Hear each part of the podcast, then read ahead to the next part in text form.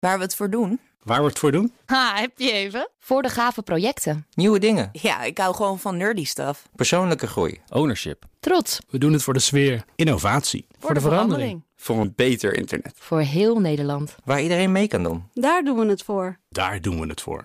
Waar doe jij het voor? Kom werken voor KPN en groei op jouw manier. Check de actuele vacatures op het gebied van data, security, development en networking op jobs.kpn.com/tech. Nul. Wetenschap vandaag.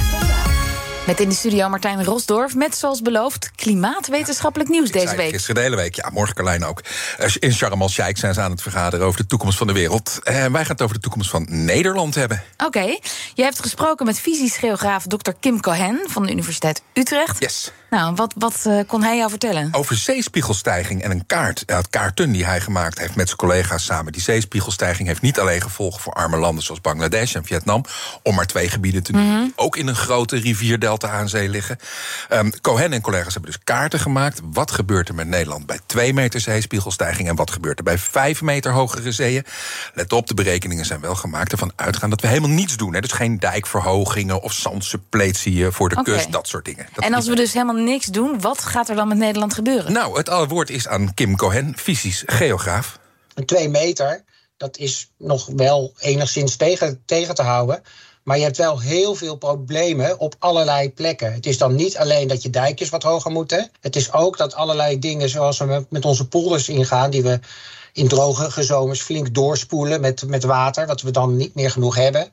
Eh, omdat die polders ook eh verzilten. Hè? Dus er komt een beetje zeewater via het grondwater op, opborrelen allerlei van dat soort dingen. Eh, en dat totaalbeeld van de problemen die er dan te overwinnen zijn, ja, dat proberen we dan in die kaart weer te, te geven. Ja, het gevolg, het gevolg zijn dus niet mals, eh, verzilting van die polders. Landbouw wordt daardoor echt heel erg lastig. Onze drinkwatervoorziening komt daardoor in gevaar. Maar ook de kans op dijkbreuken eh, verderop in het land of dieper in het land...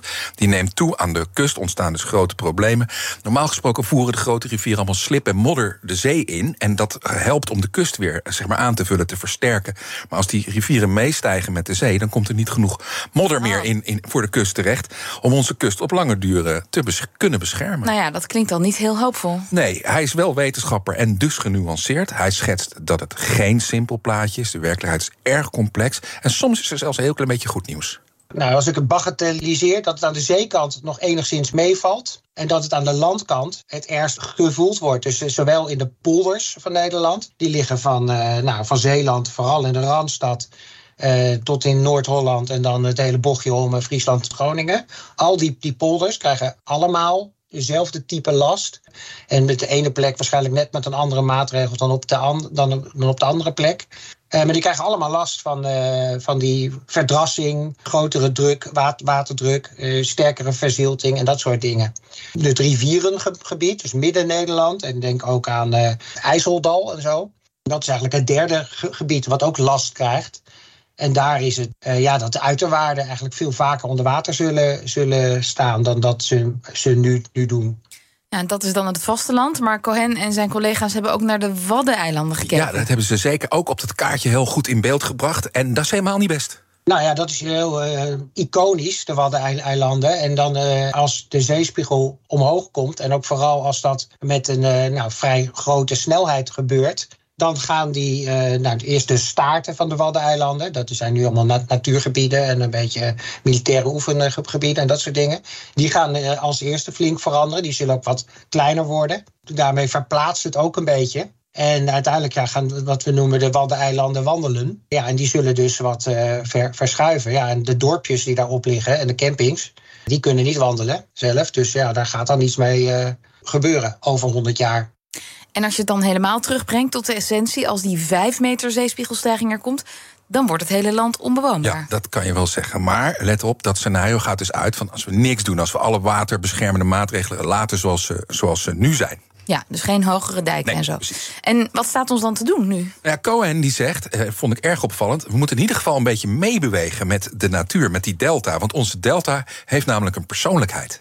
Dit is wat de Delta zelf wil. En waarschijnlijk de wat goedkoopste en meest duurzame oplossingen... die moeten ook niet tegenin gaan tegen wat de, de Delta zelf wil. En je moet toch een beetje met de natuur mee veranderen. Dat is waarschijnlijk toch wel de, beste optie. Ja, wat ook een heel hard advies is: zorg nou dat je die klimaatverandering beteugelt. Eh, zodat niet dat high-end scenario met van die, van die twee meter eh, aan het eind van de, van de komende eeuw bereikt wordt, maar dat het maar bij één meter blijft. Als, we dat voor elkaar krijgen door CO2-reducerende maatregelen en dat soort, soort dingen, ja, dan hebben we veel meer tijd. Maar ja, of dat allemaal gaat, gaat lukken, dat zijn ze in Egypte nu uh, weer eens een keer over aan het vergaderen. Daarop op wedden dat het gaat lukken om de klimaatverandering te beteugelen. Uh, je mag het wel hopen, maar je moet ook wel rekening houden dat dat, dat, dat erge scenario toch de waarheid wordt. Ja, het is niet allemaal helemaal super vrolijk verhaal. Maar we weten in ieder geval nu, dankzij de wetenschappers uit Utrecht, wat er gaat gebeuren bij die 2 meter stijging en bij die 5 meter stijging van de zeespiegel. Ja, maar je kunt misschien toch iets positiefs horen. Want tussen de regels door zegt hij, ja, die berekeningen die zijn dus allemaal gemaakt zonder mee te nemen wat de gevolgen zijn als we maatregelen treffen. Zoals die dijken wel verhogen. Dus ja, kunnen we een beetje voorzichtig optimisme dat, hier aantekenen? Ik wilde dat ook heel erg graag, maar Cohen zegt pas op met al te positief zijn. Het is wel enorm veel werk en je moet ook niet bagatelliseren van... ach, het gaat wel meevallen, joh, met die klimaatverandering. Ah joh, we hebben zand zat in de Noordzee, dus wij bouwen alles. Daar moet je niet te veel op vertrouwen dat dat lukt, want um, het gaat een enorme inspanning zijn. En het gaat niet alleen de dijkjes beïnvloeden, maar eigenlijk allerlei stukken van Nederland. Nou, nog één klein dingetje. Cohen en zijn collega's die werken natuurlijk samen en delen gegevens met de wetenschappers uit die eerder genoemde andere delta's. Vietnam, Bangladesh, zo zijn er mm. meer plekken. We kunnen allemaal van elkaar leren, dat is logisch. Ik zet straks even een link naar die kaartjes uh, op de site. En als je dan BNR Podcasts zoekt in de BNR-app naar Wetenschap vandaag, dan kom je daar vanzelf uit. Kaartjes op de site dus. Dankjewel, yes. Martijn Rosdorf. Wetenschap vandaag is mede mogelijk gemaakt door Brightlands. Knowledge Crossing Border. Ook Harm Edens vind je in de BNR-app. Je kunt BNR Duurzaam niet alleen live luisteren in de app, maar ook terugluisteren als podcast, zoals al onze podcasts. En naast dat de BNR-app Breaking News meldt, houden we je ook op de hoogte van het laatste zakelijke nieuws. Download nu de gratis BNR-app en blijf scherp.